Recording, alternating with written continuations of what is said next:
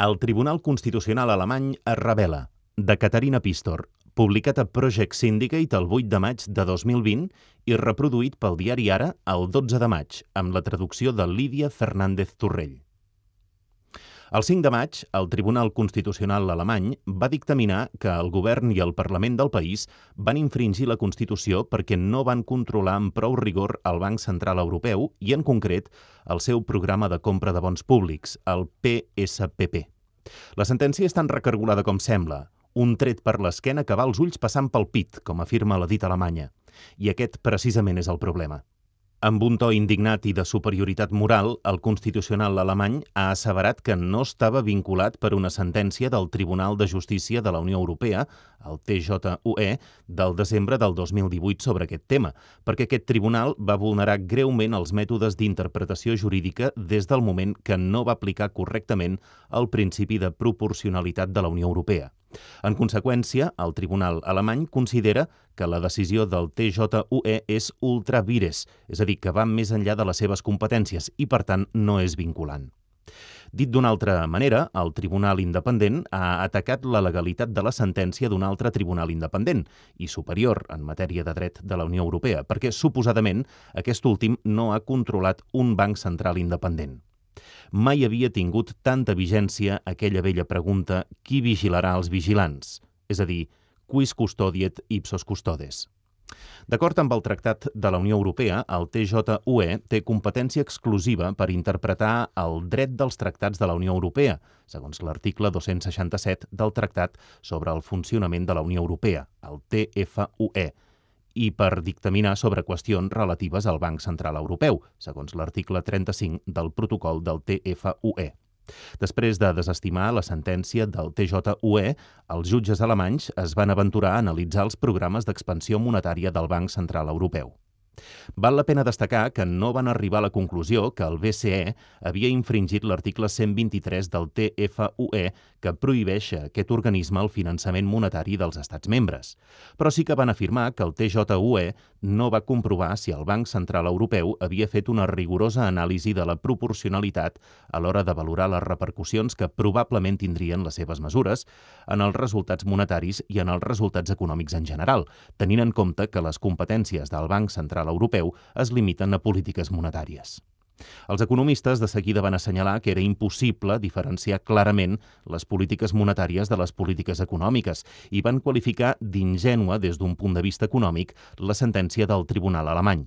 Però hi ha un problema més profund, la divisió de poders. Vigilar aquestes fronteres sempre és difícil, però és especialment problemàtic dintre del peculiar sistema de governança de la Unió Europea format per diversos estrats. La Unió Europea no és un estat federal, es basa en unes competències que li deleguen els estats membres en uns àmbits més que en d'altres. Si ens ho mirem des del punt de vista més benèvol, el Tribunal alemany afirma que el fet que el TJUE no hagi sigut capaç de controlar el Banc Central Europeu no li ha deixat més alternatives que fer cas omís de les competències exclusives del Tribunal de Luxemburg per interpretar el dret dels tractats de la Unió Europea i procedir, per tant, a la seva pròpia interpretació. No es pot descartar que, en un cas eh, d'il·legalitat flagrant, quede justificada la posició del Tribunal alemany, però el fet de no aplicar rigorosament la prova de proporcionalitat no n'és un. Tot i que aquest principi s'ha incorporat als tractats de la Unió Europea, la prova de proporcionalitat no és una norma taxativa, sinó una guia per determinar com es poden aplicar les competències de la Unió Europea d'una manera equilibrada i coherent. La jurisprudència ha perfeccionat la prova de proporcionalitat dividint-la en tres parts, eficàcia, necessitat i una avaluació amb els mitjans menys restrictius. El TJUE no va ometre la prova. Com a màxim, no va acabar-ne d'aplicar la tercera part. Segons el Tribunal alemany, això va buidar de significat tot el procediment. Però no podem deixar de preguntar-nos si els jutges alemanys han sospesat la proporcionalitat de la seva pròpia actuació. D'entrada, mentre acusa el TJUE d'actuació il·legítima, el Tribunal alemany s'ha extralimitat i ha obert una via per als litigants que vulguin emprendre aquesta mena d'accions jurídiques. Segons la llei fonamental alemanya del 1949, només les persones que veuen amenaçats els seus drets constitucionals estan legitimades per presentar una demanda davant del Tribunal Constitucional Federal. Una vulneració que no sembla gens versemblant en el context de les mesures d'un banc central o la corresponent resposta del govern alemany. Però el tribunal ha aplanat el camí per a aquests processos quan ha combinat el dret individual al vot en unes eleccions democràtiques amb el principi de democràcia consagrat a la Constitució.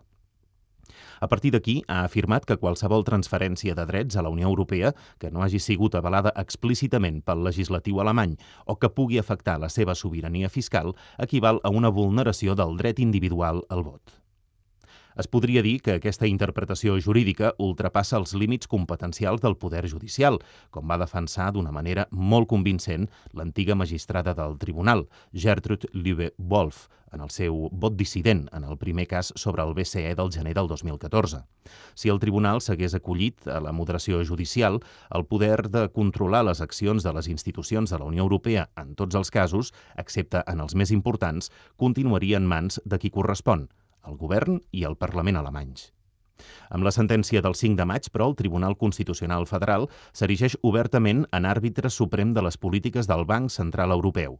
De moment, el Banc Central Europeu podrà mitigar l'impacte d'aquesta sentència, afegint a l'anunci de noves mesures una anàlisi més detallada de la proporcionalitat. De tota manera, el problema té repercussions més profundes. El Tribunal Constitucional Federal controlarà les relacions d'Alemanya amb la Unió Europea i supervisarà les actuals mesures del BCE i les futures i molt probablement bloquejarà qualsevol intent d'introduir els eurobons, per molt potents que siguin els arguments al seu favor. I com que la Constitució, adoptada com a resposta als horrors del règim nazi, protegeix el principi de democràcia amb la garantia d'eternitat, ni tan sols una esmena constitucional podrà resoldre aquest conflicte. I ara aquest tribunal, sense tenir en compte les conseqüències polítiques que tindrà per Europa i Alemanya, menyspreant el principi de l'estat de dret a la Unió Europea i passant per sobre les seves limitacions, s'arrisca a sacrificar l'euro i potser fins i tot la Unió Europea, obstaculitzant els esforços del Banc Central Europeu per gestionar la moneda única. Està fora de control una institució que, per la seva pròpia naturalesa, no governa ningú.